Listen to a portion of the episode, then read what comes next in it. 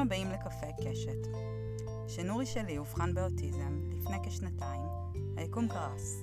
זאת אומרת, לא באמת קרס. החיים יפים ונמשכים. אבל את זה לא למדתי מאנשי מקצוע, אלא מהורים אחרים שהיו שם, שהשיחות איתם נתנו לי כוח, ובעיקר גרמו לי להרגיש שאני ממש לא לבד. בכל פרק אשוחח עם מורה אחר שיספר את הסיפור שלו, מתוך כוונה להעביר את זה הלאה. ברוכים הבאים לקפה קשת. היום דיברתי עם קאי, אבא של אופק. קאי מספר על קשיי שינה מוקדמים, אתגרים במסגרות, מיינקראפט, וגם תובנות מפתיעות שהגיעו בעקבות האבחון של אופק. בנוסף, קאי מזכיר וממליץ על סרטה של דנה דיאמנט בתפקוד גבוה. דנה היא פעילה ותיקה למען מודעות לאוטיזם בתפקוד גבוה, ומהווה השראה לבוגרים רבים המשתייכים לקהילה, כמו גם להורים שאובחנו בעקבות ילדיהם. רק לציין שלהקלטה שלי התלווה הד מעצבן שחוזר בכל פעם שאני מדברת. אני מתנצלת מראש, אני עוד חדשה בזה. מקווה שתהנו מהשיחה שלי עם קאי. היי קאי. היי. מה העניינים? בסדר. תודה. תודה ש... שאתם מסכים להתארח. Uh, בכיף, אני הייתי רוצה, אם הייתי מאזין שיהיה מישהו להקשיב לו, אז uh, אני עושה את זה בכיף. זה, זו בדיוק הסיבה שאני עושה את זה. כן. כי גם אני לפני שנתיים הייתי מאוד מאוד רוצה ש... שתהיה פלטפורמה כזאת. בדיוק. ומאוד הייתי צריכה את זה. אז זאת הסיבה שהתחלתי את זה. זה נהדר. יצא לנו uh, לקשקש קצת לפני, ויש לך סיפור מאוד מאוד מעניין ומרתק. Uh, רציתי להתחיל ב... בחיים לפני uh, הילד, לפני אופק. כן, uh, אוקיי. Um, אני... Um, היו לנו חיי זוגיות, um, זאת אומרת, פחות או יותר כל, עם הבעיות הרגילות, זאת אומרת, היה לנו בסדר. Mm-hmm. אני סובל מדיכאון וחרדה, אמ, אז זה מאוד תרם אה, לבעייתיות, אמ, זאת אומרת, כבר היו קשיים לפני. אבל סך הכל היה לנו נחמד, הגענו למקום די נעים. אני נאבקתי בתור תסריטאי עם לנסות להגשים את עצמי עדיין. מכירה את זה. כן. אבל uh, היינו במקום בסדר גמור. Uh, בגלל זה גם, זאת אומרת, אני לא הייתי מוכן להביא ילד עד שאני אדע שאני במקום טוב, שאני אוכל להיות שם בשבילו, uh, מבחינה נפשית ופיננסית.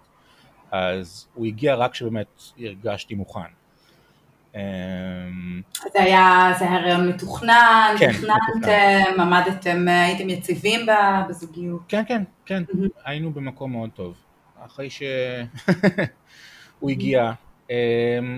איך הוא נולד? הוא נולד בלידה רגילה? זה היה פחות או יותר הכל נורמלי? כן, כן, התהליך היה נורמלי לגמרי, הכל עבר בסדר, מה שכן, הוא לא ישן בשיט. Mm. אמ, הוא ישן למקטעים של איזה 20 דקות וזהו. זה היה המשך ישיר אגב של, של ההיריון, זאת אומרת הוא אה, אה, בעט ללא הרף, זה היה כאילו הוא שם על הליכון בפנים. קטע. כן, זאת אומרת אה, הוא, הוא היה כבר עם ADHD מבערך גיל אפס, עוד כעובר, וזה המשיך גם החוצה. הוא ישן מעט מאוד וגם כשהוא גדל היו לו עדיין בעיות שינה. זה, זה משהו שיש עד היום? כן, כן, קודם כל בגן במעון הוא לא היה ישן צהריים. Uh, בהתחלה היו מנסים להכריח אותו, אבל בסוף הוא שבר אותם. וגם היום הוא, לא, הוא הרבה זמן הוא לא הצליח, הוא לא נרדם טוב בלילה. זה נפתר רק כשמצאנו את המלטונין. כן. שפשוט שינה לנו את החיים. אנחנו מתחילים עכשיו, ממש עכשיו מתחילים. מלטונין, כן. אה, באנגליה הסתכלו עלינו בעיניים מאוד מאוד עקומות אה, כשהעלינו את זה. גם פה. באמת? זה הפסיכיאטרית כן. אמרה, אתם צריכים מלטונין, קחו. אה, אצלנו, אני בכלל לא הבנתי את הפסיכיאטרית שלנו שהייתה על העוקם, שהיא הייתה בעד ריטלין, אבל מלטונין לא. אני כאילו, אני לא מבין מה הסטיגמה סביב משהו שהוא הרבה יותר טבעי. לגמרי, לגמרי, קטע. כן. אוקיי, אז הוא היה תינוק, הכל היה נורמלי חוץ מזה שהוא לא ישן. אה, חוץ מזה שהוא היה היפר, כן. אה, זה, זה התקשר להיפר. כן. אוקיי. כן. כן, מה שאצל אופק הוא חוץ מספקטרום, יש לו גם הפרעת קשב ריכוז, אז יש לנו מסיבה בבית. בהתחלה גם דרך אגב, זאת אומרת לא, לא היה לנו, זה בגלל שזה הילד הראשון והיחיד, לא היה לנו שום אומדן, לא היה לנו איך להשוות את זה, לראות אם משהו לא בסדר או משהו יוצא דופן, זאת אומרת חשבנו אוקיי ילד זה קשה, כן, לכולם ילד זה קשה. ואז כשאת מדברת עם הורים אחרים שכאילו הילד לפעמים עושה דברים, נותן להם שקט, אנחנו, אה, אצלכם זה לא גיהנום כל הזמן? אה, מסתבר שזה קצת יותר קשה אצלנו, אוקיי, טוב לדעת. חשבנו שאנחנו פשוט ממש גרועים בזה. כי היינו, היינו מותשים כל הזמן. כן, מוכר מאוד. זה, גם כשהוא היה קטן, וזה פשוט המשיך, ממשיך עוד עד היום, להזיז את אופק, לגרום לו לעשות כל דבר, זה כמו לדחוף סמי טריילר בבוץ. כאילו, קשה לו עם מעברים, קשה, גם בגלל שהוא מאבד ריכוז, וכל דבר, להתלבש, שיניים, מקלחת, לצאת מהבית, לאכול אפילו, זה פשוט, זה מפרך. כן. אפילו, אז מה, מהדברים הכי קטנים את כבר מותשת. כן. טוב, אני קצת קופץ קדימה. כן. נחזור אחורה. מבחינת התפתחות הוא היה בסדר, לקח לו קצת זמן להתחיל לדבר, ומאז שהוא התחיל קצת התחרטנו, כי הוא לא שתק מאז. כאילו כשאתה אומר לקח לו קצת, לקח לו קצת זמן, באיזה גיל הוא התחיל לדבר? באיזה גיל? שנה כבר היה לו, כאילו, אני חושב, הוא כבר היה לו מילים. אוקיי. ומאז זה היה ליניארי פחות או יותר? זאת אומרת, לא היה רגרסיה, לא היה... לא, לא, מהרגע שהוא התחיל, התחילה גם אובססיה לאותיות ומספרים. הוא כל הזמן רצה לצפות בדברים שקשורים לאותיות ומספרים, הוא היה מדקלם את זה לפעמים, הוא היה מאוד אוהב, היה לנו מגנטים, אז הוא מאוד מאוד אהב להתעסק עם המגנטים של האותיות והמספרים. היו לו תוכניות שהיה רואה מדי פעם, כאלה תוכניות לפעוטות של מספרים, אז היה, אני עכשיו שוכח את השם, אבל היה תוכנית עם ילד ומספרים, וכל פרק היה על מספר אחר, מ-1 עד 10. ונגיד הוא היה מפסיק בפרק 5, אז אם היינו ממשיכים יותר מאוחר, הוא לא היה רוצה להמשיך לשש, היה צריך להתחיל עוד פעם מההתחלה כל פעם. כל הזמן היה חשוב מההתחלה להתחיל את כל הסדרות. זה היה ממש כפייתי. זה ככה, אני מניחה, בין גיל שנה לשנתיים כזה. כן, כן, זה בין שנה לשנתיים. אימא שלו קצת פחדה, כי היא סבלה מ-OCD כשהייתה ילדה, אז היא פחדה שזה ביטוי של OCD, אז היא ניסתה קצת להילחם בזה, אבל בסופו של דבר ראינו שזה לא זה. הוא, זה כן משהו שעושה לו טוב ולא לא בעייתי. ואיפה שזה התחיל כבר להיות uh, סימנים, זה שנתיים וחצי, ככה, כשהוא היה בגנון, שהגננת אמרה, יש לו בעיות, התחילו לו בעיות של אלימות, הוא היה מכה לפעמים ילדים, mm-hmm. ולא היה ברור באופן מיידי למה. ושלחו אותנו קודם כל לבדיקת ראייה. מסתבר שבאמת היה לו, הוא היה צריך משקפיים. אה, אוקיי, כן, כן. הכל נפתר, הכל סבבה. זהו, זהו, ומאז נפסקה אלימות וחיינו באושר ואושר עד עצם היום הזה. אבל למרות שהדברים, דרך אגב, השתפרו, יכול להיות שזה באמת גם היה חלקית מבחינת התפיסה החושית, אבל כן, גם הפריע לו שפשוט ילדים נכנסו למרחב שלו. היה לו קשה גם אז עם מעברים, הוא כל הזמן נלחם, ב, נלחם בהם בלצאת מפעילות אחת ולעבור לאחרת. Mm-hmm. אני זוכר שהיא אמרה שאחד הפתרונות כדי שאופק ילך, יזרום, זה פשוט להגיד לו את הלו"ז להיום, ואז כשהוא ידע את הכל מראש, הוא היה מוכן ללכת ולעבור כשהיו מכינים אותו. האלימות לא לגמרי הפסיקה וגם הקרבות סביב דברים אחרים, mm-hmm. אז שלחו אותנו למרכז התפתחות הילד לאבחון. אתם ידעתם, היה לכם איזשהו רעיון עם, עם מה תצאו מהאבחון הזה? לא, האמת שלא. זה מצחיק, עכשיו שהכל כל כך ברור לי, זה מצחיק כמה היינו בורים אז. כן. איך זה לא היה לנו בראש בכלל. כי בדרך כלל זה, אני זוכרת שגם, שנורי אובחן, ואמרו, והייתה לנו את השיחה אחר כך, ובאנו נורא מוכנים, הם אמרו לנו, הפסיכולוגית והרופא שאבחנו אותו, אמרו לנו שיש שני סוגים של הורים. יש את ההורים שבאים בקטע, בקטע בולה ראסה, שאין להם מושג למה הם באים, הם באים בקטע של בואו תגידו לי מה לא בסדר, או בואו תגידו לי שהכל בסדר, ויש את ההורים שבאים יותר מוכנים מהפסיכולוגית. שאנחנו היינו אלה. כן. אז זהו, אני גם, יש לי את הנטייה אה, האובססיבית לגגל כל דבר ולקרוא מאמרים, כן. אבל אז עוד לא, לא היינו שם. כן. אה, חיכינו עוד אה, לקבל מידע. יכול להיות שהשיח גם היה אחר? השיח? היום זה נורא, אה. אני מרגישה שזה נורא מדובר, מצד שני, אני חושבת שגם אחרי אבחון פתאום אתה שם לב כמה זה מדובר.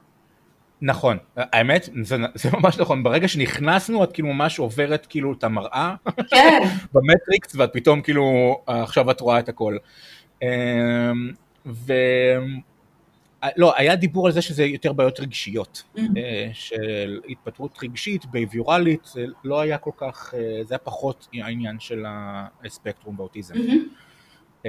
וכשהגענו לאבחון, אז כבר אמ, היה מאוד ברור. Mm-hmm. עם אופק זה היה מאוד גבולי, זאת אומרת המאבחן אמר אמ, הוא ממש על הקצה, אבל אני אתן את האבחון בכל מקרה כדי שהוא יוכל לקבל את הסל, וקודם כל מאז זה הרבה פחות גבולי, זה כבר הרבה יותר מובהק, כן. אבל אני גם מברך על זה שהוא נתן לו את הסל, כי זה סל שאני חושב שצריך להיות לכל ילד, זאת אומרת כל ילד יפיק תועלת מהתנאים שאופק קיבל. אה, זה עגום שצריך להיות מיוחד בשביל זה. אה, כן, כן. אז זהו, עם האבחון אה, הבנו שצריך לשנות מסגרת. עכשיו, בעיקרון אני, ממה שאני יודע מהורים אחרים, האבחון זה נקודה מאוד משברית בשבילם. Mm-hmm. כשהם שומעים את זה אז פתאום, אוי, לא, הילד שלי הוא כזה. בשבילנו זה היה ההפך, בשבילנו זה היה הקלה. כי אנחנו, אנחנו דאגנו עד אז, כי לא ידענו מה לא בסדר. וברגע שקיבלנו שם לזה, אז נרגענו, אמרנו, אוקיי, הילד נשאר אותו ילד, לא משנה מה הכותרת תהיה. אה, עכשיו, אבל יש לזה שם ואנחנו יודעים עכשיו איך לטפל בזה. ומשם כבר פשוט התחלנו לתכנן בהתאם. בהתחלה, אה, בגן ביקשו ממנו, אה, זה הגיע למצב שהיה כל כך קשה שהם היו צריכים להצמיד לו מישהי קבועה. וזה גזל מהצוות, וביקשו שפשוט נתחיל לממן אחת משלנו, פשוט סייעת שתבוא להיות איתו. אמ, אז זה גם עלה הרבה כסף, וזה גם לא היה מספיק תועלתי. החלטנו לו... אתם כן. מימנתם מאפס סייעת? לא. זה מקובל? איפה זה? אבל היינו הורים טובים. זה היה אחרי האבחון או אמ, לפני? כן, זה היה אחרי האבחון. אמ, ותוך כדי גם, היה הרבה המתנה עד לאבחון גם. אחרי האבחון כבר עשינו, התחלנו את כל המהלכים, אבל לא יכולנו לעבור באמצע, זה היה כבר לקראת סוף שנה, היינו צריכים לסיים פשוט את השנה, עוד קצת, אבל הם כבר לא היו מוכנים להחזיק אותו, אז העברנו אותו לגן אחר עם קצת פחות ילדים, וגננת שקצת פחות נוקשה, והיא פשוט נתנה לו יותר להיות מי שהוא שם. כן. Um, אז זה פשוט היה מקום קצת יותר צ'יל. אז היו לו קשיים עדיין, אבל הם היו, הם פחות באו לידי ביטוי שם. כן. Um, וכשהתחלנו גן תקשורת זה היה מדהים, אנחנו, זה גן עדן, אה, אני חושב שכל, הג... זה צריך להיות סטנדרט לכל הגנים בעיקרון, זה אין שם משהו אה, שאני מרגיש שהוא יוצא דופן בשביל ילדים על ספקטרום, זה פשוט מקום שכל ילד צריך להיות בו, יש מעט ילדים, הרבה צוות, צוות שנבחר בקפידה, יש הרבה אה, אה, טיפולים ושירותים מסביב. אנחנו קוראים לזה הגן השוודי. ממש, ממש. וזאת אומרת, אפילו דברים כמו ריפוי בעיסוק וריפוי באומנות, זה דברים שכל ילד בשלב התפתחותי כל כך משמעותי יכול להפיק תועלת מהם. ובאמת, היה לו מאוד מאוד טוב שם. אז הוא היה לו סך הכל כמה, שלוש, ארבע שנים בגן תקשורת? כן, אה, הוא היה עד גיל שבע. אה, החלטנו לחכות עוד שנה, כי הוא עדיין לא היה לגמרי מוכן רגשית. עכשיו, כשהגענו לשם, הבנו שאנחנו אפילו בתוך השבט של הספקטרום, אנחנו קצת אה, יוצאי דופן, הרגשנו אפילו בתוך זה לבד קצת, אה, כי היה, היה חלק מהקטע של הגן תקשורת, שאגב, אם מישהו נמצא ב, באזור ושוקל, אה, זה גן שנמצא בתל השומר, אני ממליץ לגמרי, זה, לא, לא להסס בכלל, זה מקום מדהים. חלק מהחובה הייתה שכל אה, שבוע היה מפגש של כל ההורים שהתחילו, שזו השנה הראשונה שלהם. אתה יודע, אגב, בסוגריים שלנו זה לא קורה, לצערי הרב. וואלה. יש קורונה, והם לא עושים מפגשי הורים. אוי, וואו, נכון. כן. אין אפילו וירטואלית?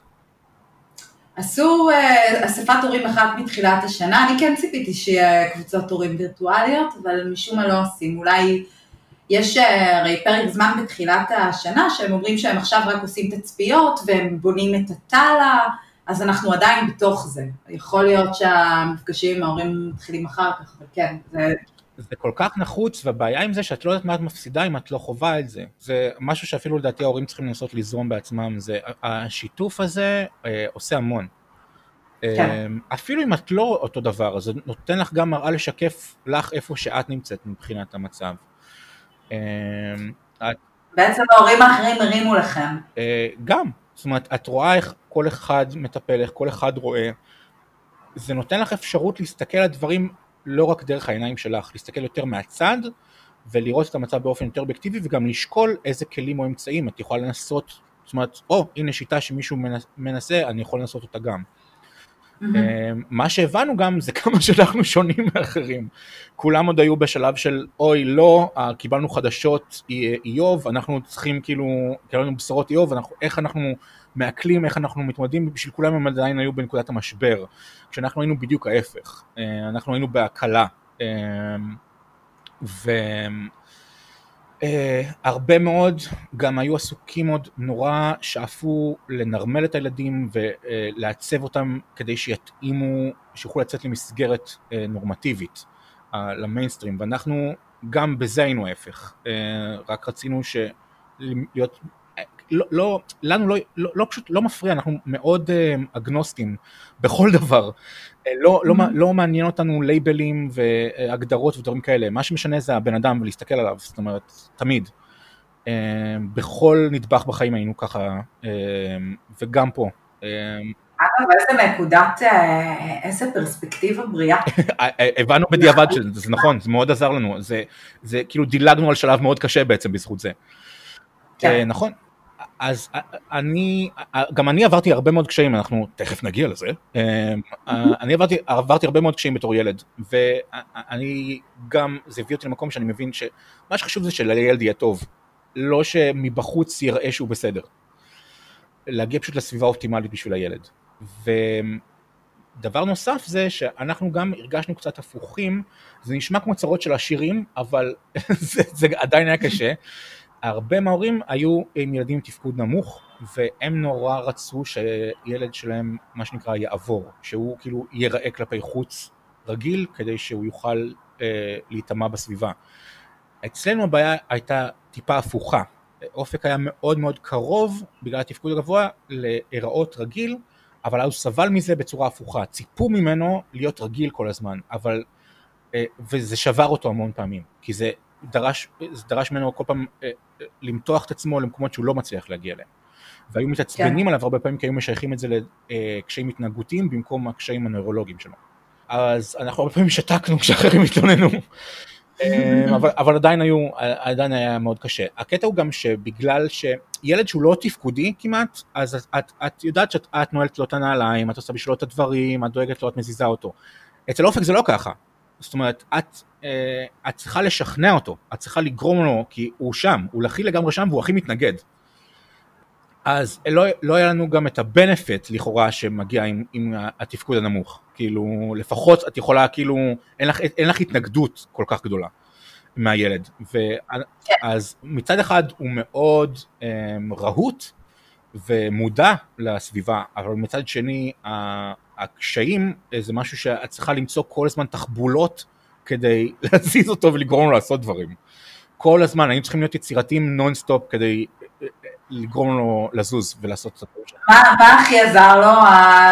נגיד לוח חזותי, שוחד, שחטתם אותו בממתקים, מה עשיתם? התשובה היא לאורך השנים הכל. אמ, הקטע עם אופק שהוא מאוד יוצא דופן. אה, כי אני לא יודע אם זה רק אוטיזם יוצא דופן או שאוטיזם עם ה-ADHD, אבל אמ, אופק אמ, אוהב שגרה לא שגרתית, הוא אוהב כל הזמן חידושים, זה השגרה הנוחה שלו. הוא, זאת אומרת ההפך, מ... הוא משתעמם אחרי כמה זמן. וכל פתרון שעזר ונראה כאילו שזה ה... או, יש פתאום את הדבר הבטוח שעובד תמיד, באיזשהו שלב זה הפסיק והיה צריך למצוא משהו אחר.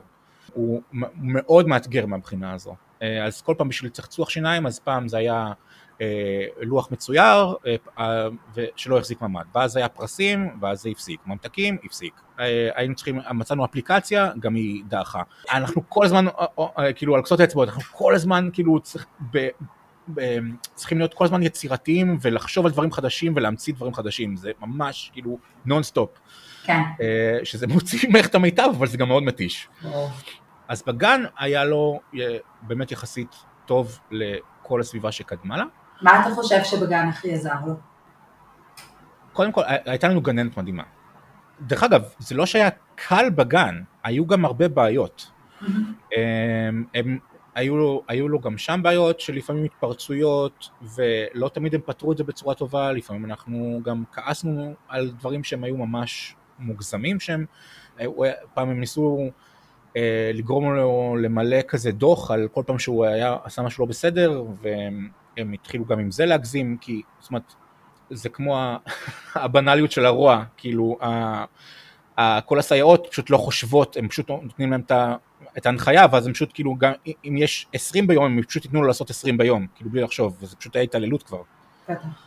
אז גם אם שם, כל הזמן ישבנו איתם וניסינו למצוא פתרונות. אמ, אבל בגדול זה היו היה גננת ועוזרת גננת וסייעת אחת שפשוט מאוד מאוד אהבו אותו ומאוד היו קשובות אליו וניסו כמה שיותר להבין אותו ולהכיל אותו. מבחינה חברתית אה, היה לו קושי? בהתחלה טיפה, אבל מהר מאוד הם, הם, היה להם חבורה, זאת אומרת התפתחה החבורה שלהם, אה, של כמה בנים כזה, והם אמרו לנו שגם זה, יצאנו מזל מטורף, כי זה אחד לכמה שנים שמוגרלת כזו קבוצה שמאוד מסונכרנת מבחינת תפקוד ואופי ושנוצרות ממש חבורות כאלה והייתה להם חבורה ממש טובה שהם נשארו עוד בקשר גם אחרי זה עד היום יש שני ילדים שהוא בקשר איתם אה, החבר הכי טוב שלו הוא עדיין משם. איזה יופי. כן זה מדהים. שהם לא המשיכו לאותן מסגרות. אה, אה, עכשיו יש ילד, יש ילד אחד שהוא מעליו בבית ספר אבל um, הרבה זמן אחרי הם עוד היו נפגשים, גם הוא היה נפגש עם הילדים האחרים. Mm-hmm. וכשהם התחילו לעזוב, אה, אז נוצרו עוד פעם בעיות, כי הוא, הוא קצת חזר להיות לבד, ועם ילדים שהוא פחות מסתנכרן איתם. כן.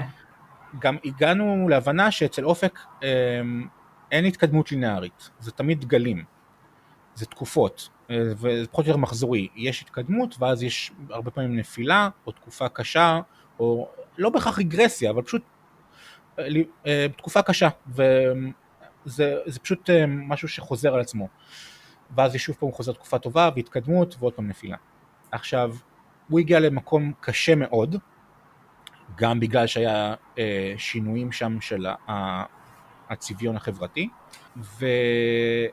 והתחילה אלימות מאוד קשה, גם כלפי הצוות.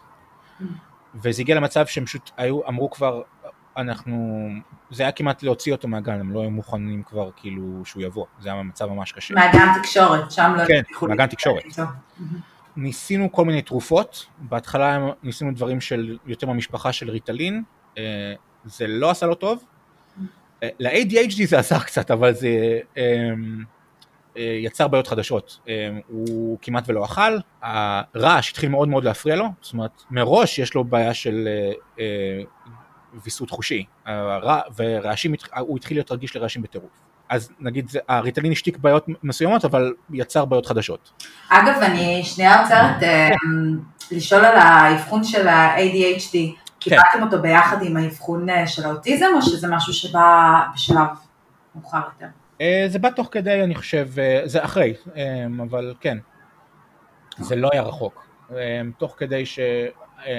הוא הרי עבד שם עם פסיכולוג בגן, אז uh, התחבר מהר מאוד שזה גם הפרעת קשב ריכוז. אז בעקבות um, הכדורים שלא הצליחו, המליצו לנו על ריספרדל. Um, היה לנו חשש בהתחלה, um, בגלל um, השמועות של תופעות לוואי. Um, עכשיו אני צריך להסביר את עצמי, אני, אין לי, אין לי סייגים מטיפול תרופתי, אני בעצמי על שלל תרופות הרבה שנים כבר אני אמ, לא מפקפק בזה, אני מאוד מסתמך עליהם, אבל הריספרדל קצת הפחיד אותנו. אמ, אז בסופו של דבר כשפשוט זה היה last resort, שראינו שאין כבר שום דבר אחר, ניסינו את הכמות הכי מינימלית, וזה פשוט בן לילה השתנה פלאים, הפסיקה האלימות. יפה. זה היה מטורף, הוא, הוא הצליח להחזיק את עצמו כל כך הרבה יותר. עכשיו, הקטע עם אופק, שהבעיה שלו זה היצריות. קורה משהו, הוא מתפרץ, כי הוא פשוט לא מצליח לשלוט בעצמו. אבל זה לא בעיה התנהגותית, כי דקה אחרי זה, אם את מחבקת אותו ונותנת לו כזה קצת לחץ ומרגיעה אותו, mm-hmm. הוא יכול מהר מאוד להגיע למקום שהוא מבין מה לא בסדר, הוא מבדיל בין טוב לרע, הוא ילד דווקא מאוד מאוד רגיש, הוא יכול להבין אפילו איך הצד השני נפגע, אבל כל הדברים האלה הוא לא מצליח ליישם ברגע האמת, כי פשוט הרגש, היצר פשוט משתלט עליו וכמעט מעוור אותו.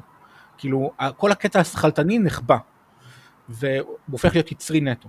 אז זה לא תמיד משנה כמה מדברים איתו וכמה עובדים איתו, מה שמשנה זה איכשהו לנסות להצליח לעשות האק ליצריות, לתפוס את זה ולעבוד על הכישורים של לתפוס את עצמו כשהוא מתפרץ. אה, הוא באופן כללי ילד מאוד מאוד רגיש, אה, עם אינטליגנציה רגשית מטורפת. אז משהו שאת לא מצפה בכלל מאוטיסט, שכאילו גם שיהיה לו אמפתיה כל כך לאנשים אחרים.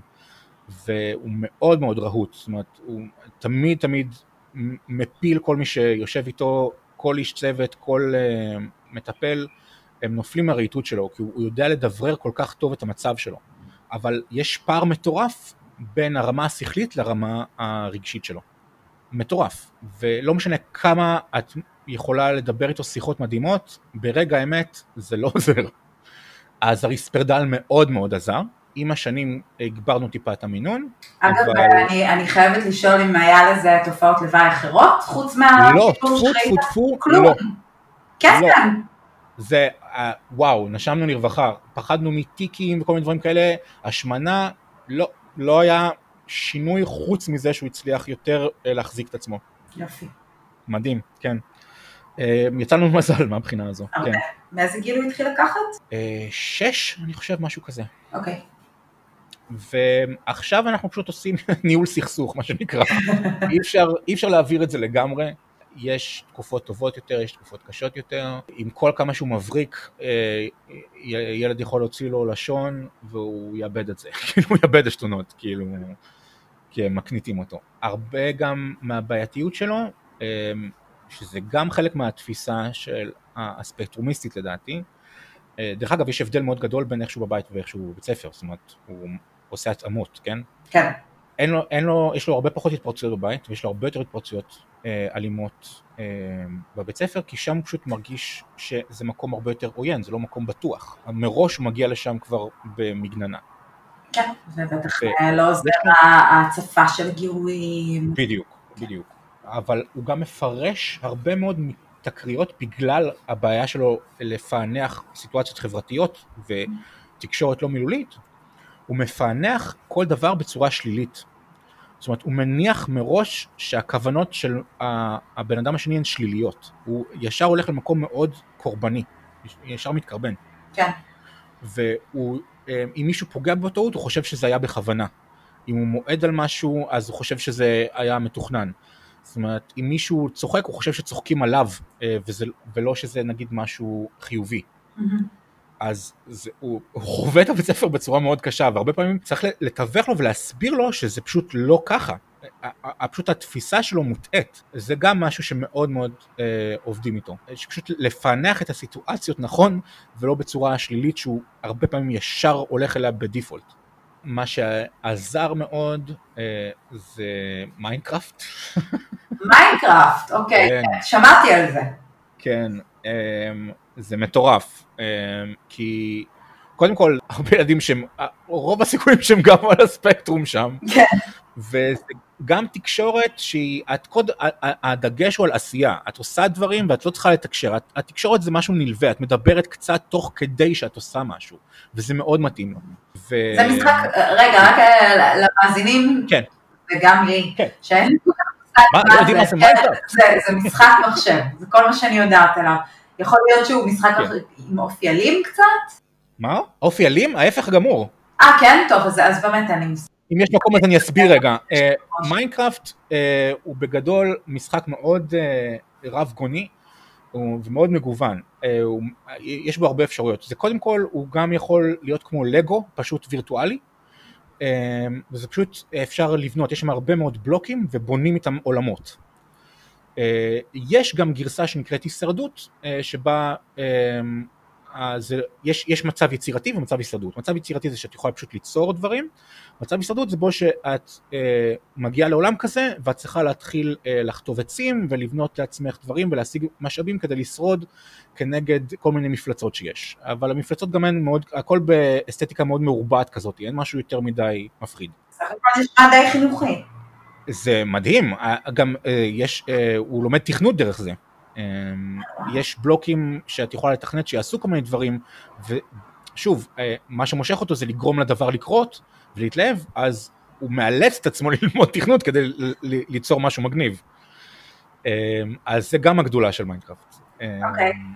גם תקשורת וגם הריכוז והיצירתיות שזה מוציא ממנו. אבל נראה לי שגם קפצתי פה טיפה קדימה. כן. אה, עוד נחזור אחורה טיפה, עוד פעם נעשה rewind ונלך לערוץ אחר, אה, בד בבד עם האבחון של אופק, אה, אני עברתי תהליך דומה והבנתי בדיעבד שגם אני על הספקטרום. כי כמעט כל סעיף שעברו איתו באבחון, אני פשוט הסתכלתי ואמרתי, אוקיי, אבל גם אני ככה.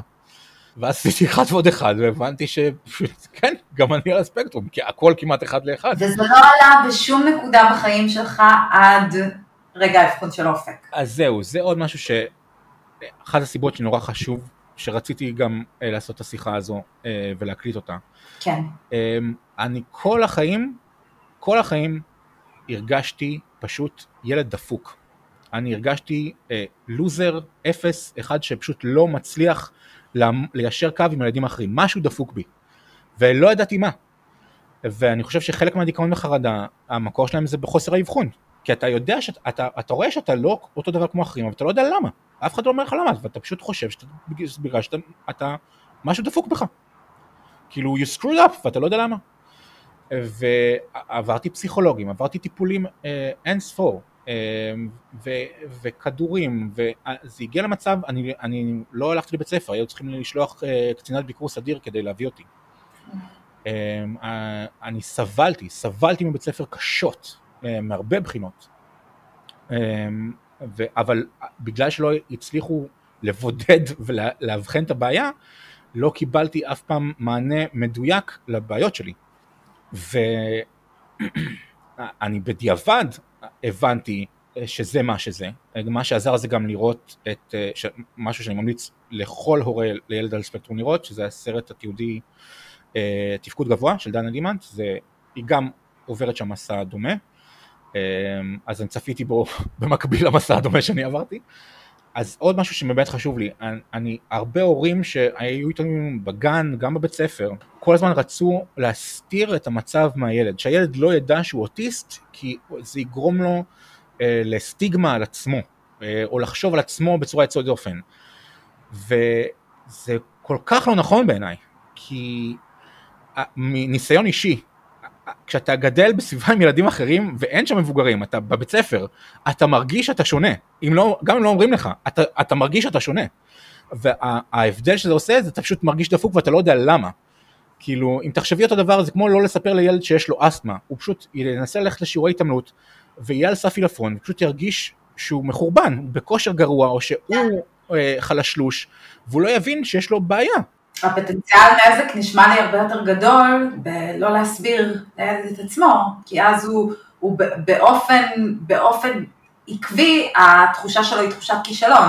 בדיוק. זה שלא אמרו לי, זה שלא יבחנו אותי, לא שינה את המצב שלי, אני, אני הרגשתי לא בסדר. אני עד היום, עד היום, אני בן 40, אני עד היום נאבק עם בעיות דימוי עצמי, שאפילו שאני כבר יודע מאיפה המקום ומאיפה זה מגיע, זה פשוט, בת, כ, כילד זה השתרש כל כך עמוק שקשה לעקור את זה.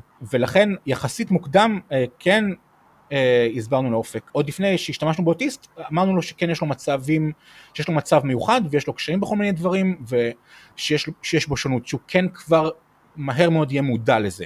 עוד לא הגענו לאוטיזם עד, עד שהוא התחיל בית ספר. וכשהוא התחיל בית ספר כבר אמרנו שהוא ייזהר שלא להגיד לילדים אחרים, כי זה בכל זאת בחירה של ההורים, אם לחשוף את זה להם או לא, אבל שהוא יכול לדעת שהוא כן.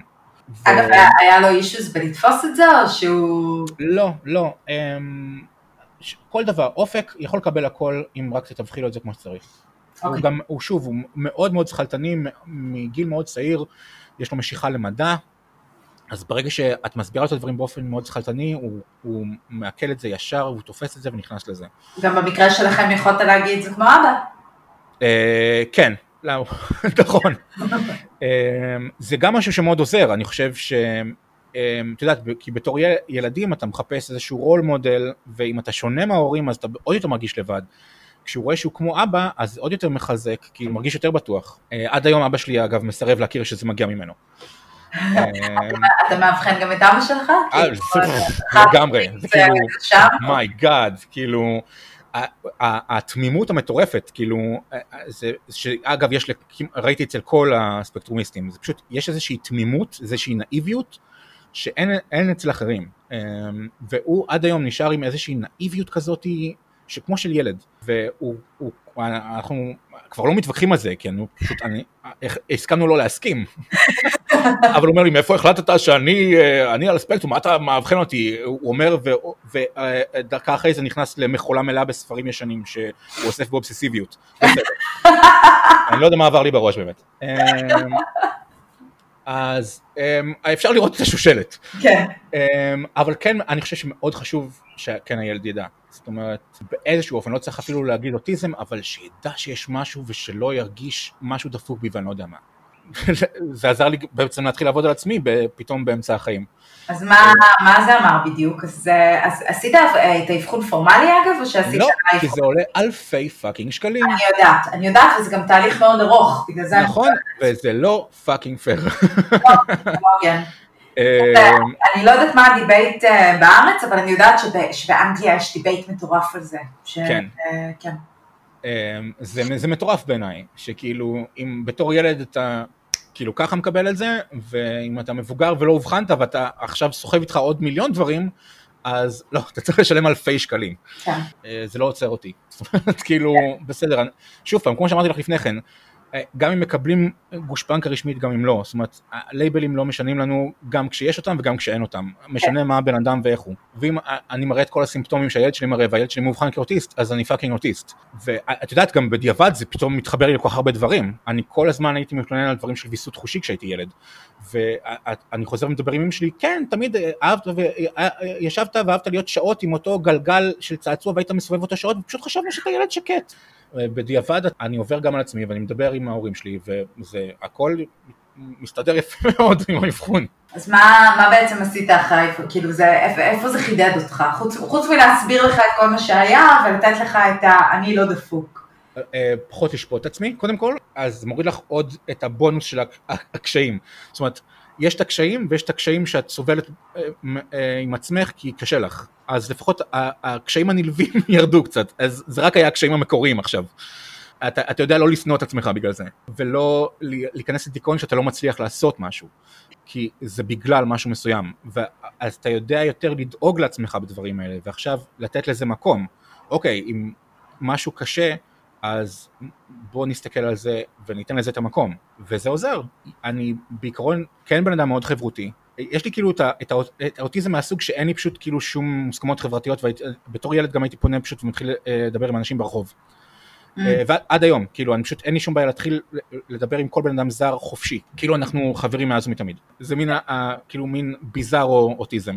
אה, הקטע זה פשוט לתת מקום, אני רגיל להיות חברותי, אבל מה שסירבתי להכיר בו, שיש מצבים שקשה לי. יש לפעמים יותר מדי אנשים, יותר מדי רעש, ואז אני מרגיש מסונבר חושית. אני פתאום מתחיל להרגיש יותר קלאמזי, uh, אני פחות חד, ולא הצלחתי להבין למה זה, ועכשיו אני מבין, זה פשוט הקטע של עומס חושי, ואני פשוט צריך לה, להסיר את עצמי מהסיטואציה ולתת לעצמי רגע רגיעה. אז ברגע שיש יש לזה שם וסט של הגדרות, את יודעת איך לתת לזה מענה. וכשיש לך uh, קריסה גם, אתה יודע לא להרגיש עוד יותר רע בגלל שאתה קורס, אלא אוקיי, הגיעה אפיסת כוחות, תן לעצמך את זה.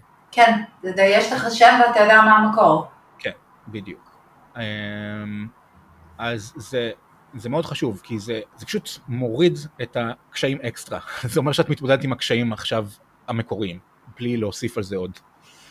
אמ, ואותו דבר עם אופק, עם אופק אנחנו פשוט מנסים להקנות לו כמה שיותר את הכלים מראש, כמה שיותר להיות מודע לדברים. היה לנו חשוב מאוד כן כמה שיותר מוקדם ללמד אותו את כל הדברים היותר ארטילאיים ולדברר אותם כל הזמן, זאת אומרת להיות, אנחנו, אנחנו מאוד ורבליים עם אופק, זאת אומרת כשאני עושה משהו ואני חושב על משהו אני מאוד מביע את זה במילים תוך כדי, אני כאילו מקריין הרבה פעמים את הסיטואציות הרגשיות שאני נמצא בהן כדי שהוא יראה מה התהליך המחשבתי. כי בעצם אמרת לי שהיית, ש, שהוא מאוד מפותח מבחינה שפ, אה, שפתית. מאוד, אבל מאוד. מאוד. אבל במקביל מורכב מבחינה רגשית. נכון. הפער הזה. נכון. לפחות את זה, זאת אומרת וידאנו שלפחות הוא יוכל להביע את עצמו מאוד טוב ולתפוס סיטואציות כמה שיותר טוב בהתחשב במצב שלו. אז חוץ מזה שאנחנו מדבררים הרבה פעמים בצורה מאוד אה, כאילו obvious את הדברים שאנחנו חווים ומרגישים ועושים ולמה, אה, זה גורם לו גם להבין מה עובר עלינו אה, לקלוט את זה מהצד וגם הוא מתחיל אה, לחקות את זה וגם הוא מאוד מאוד מדברר את הדברים שהוא עובר. Mm. הוא, הוא מאוד מאוד ורבלי ומביע איך הוא מרגיש תוך כדי ולמה הוא עושה דברים מסוימים ולמה הוא מרגיש. אז זה מאוד עוזר. ציניות לימדנו אותו בגיל מאוד מוקדם. היה, לי מאוד חשוב. קודם כל גם שנינו, שני ההורים שלו מאוד ציניים. כן. אבל זה משהו שהוא מאוד... כן, כי אתה יודע, יש כל כך הרבה אה, סטיגמות על, אה, על אוטיזם, ואחת הסטיגמות זה ש... שציניות זה דבר שהוא לא כל כך נתפס. כן. אולי יצא לך לראות את Love on the Spectrum של, אה, של נטפליקס. כן, כן. ו... וציניות זה מהם והלאה. לגמרי, לגמרי. אז זהו, זה, הם מאוד מאוד סנסיר, כאילו, איך שהם וגם איך שהם תופסים את הדברים, מאוד ליטרלי. ואז עם אופק מאוד היה חשוב, מהרגע שהבנו, כן, אה, גם לשים דגש על הדברים האלה, כדי לתת לו את הכלים האלה, שהם בדרך כלל צומחים באופן מאוד כאילו אורגני, אה, אצל בן אדם נוירוטיפיקלי, אצלו פשוט עשינו יותר מאמץ כדי להנחיל לו את זה. אז כן, הוא כבר התרגל מאוד לדיבור הציני שלנו, כשיש בלאגן בבית או כשיש... אה, מזג אוויר מחורבן, אנחנו אומרים, או, oh, נפלא. אז הוא אומר, אה, אתה אמרת בציניות, נכון? וגם הוא התחיל לסגל לדיבור ציני. אז זה באמת נפלא, כי משהו שהוא בדרך כלל איזשהו בליינד ספוט של הרבה אה, על הספקטרום אצלו זה מאוד טבעי. וגם מטאפורות, אה, גם זה היה מאוד חשוב, אה, הרבה פעמים להסביר משהו אה, אה, בצורה של אנלוגיה למשהו אחר, ולאט לאט הוא כן תפס שהדברים האלה הם... הם אה, הם לא ליטרליים, כבר מהר מאוד הבין איך לפענח אותם וגם איך להתבטא ככה. אז מה, תספר לי קצת על אופק היום. אופק היום, קודם כל משהו שלא ציינתי, אופק זה הבן אדם הכי מדהים שפגשתי בחיים שלי.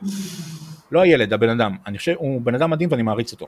הוא באמת, הוא, גם מבריק וגם יש לו רגישות מטורפת, אה, כשהוא לא, כשזה לא משהו ש... אה, קרוב אליו אה, רגשית, כמו, דרך אגב הרבה מאיתנו, כשאנחנו קרובים למשהו רגשית קשה לנו הרבה יותר לתפוס את הדברים, אצלו זה פשוט מוקצן מאוד.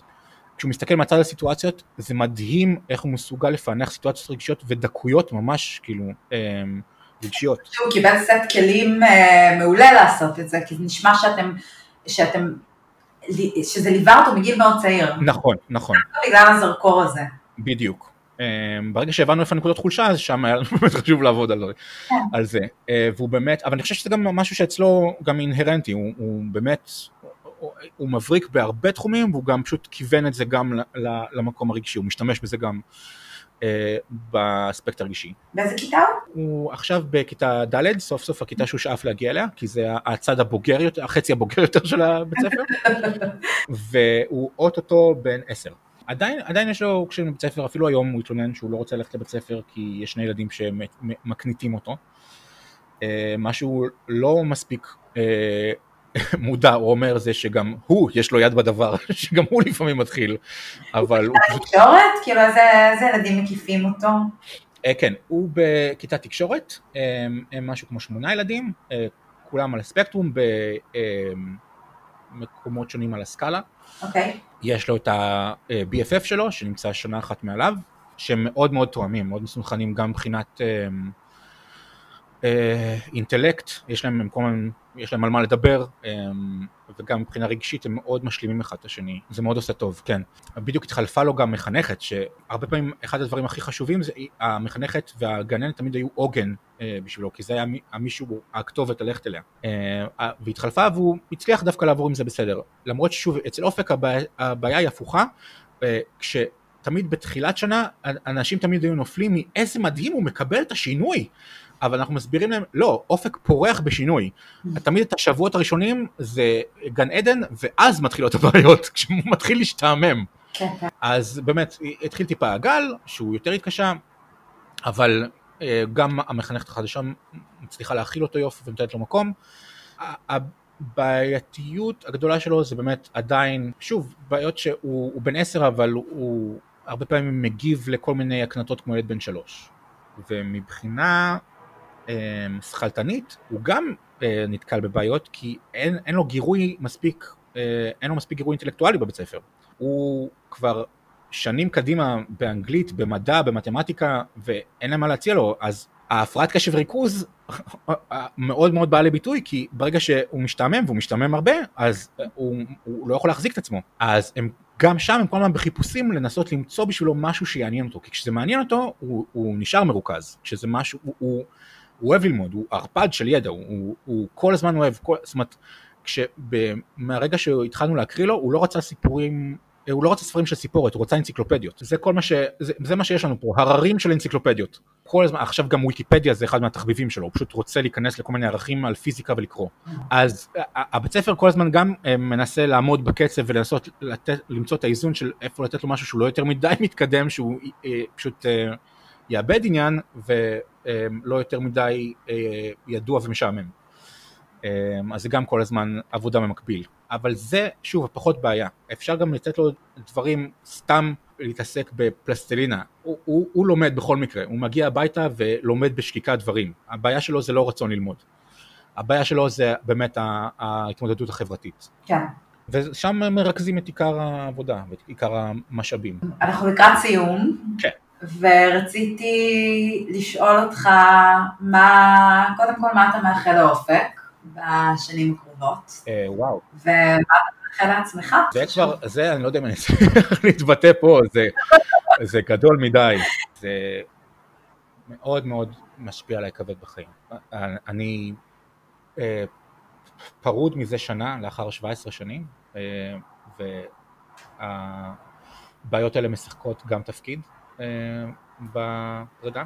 אני הייתי צריך בעצם להתחיל אה, ללמוד לתפקד לפני שנה לבד, אה, כי לפני כן זוגתי פשוט דאגה להכל, זה מה שאני מנסה למנוע עכשיו עם אופק.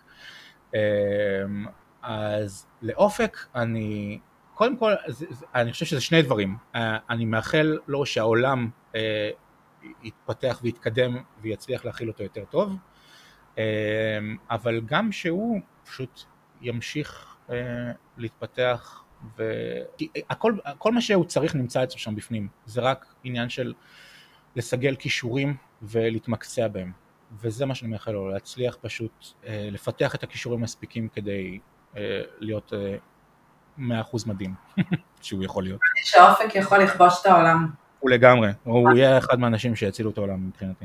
כן, אדיר.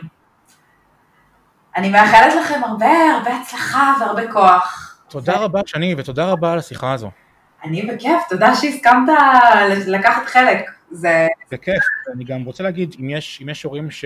כי אני יודע שהמצב שלנו לא בהכרח מייצג נתח גדול תמיד, אם יש הורים שמרגישים שהם במקום דומה, הם בכיף שינסו ליצור קשר איתי דרכך, ואני אשמח לדבר ולעזור. אני אוכל להוסיף אה, את הפרטים שלך גם אה, בנוטס של, של הפרק. מעולה. תודה רבה. תודה לך. ונהיה בקשר. ביי ביי.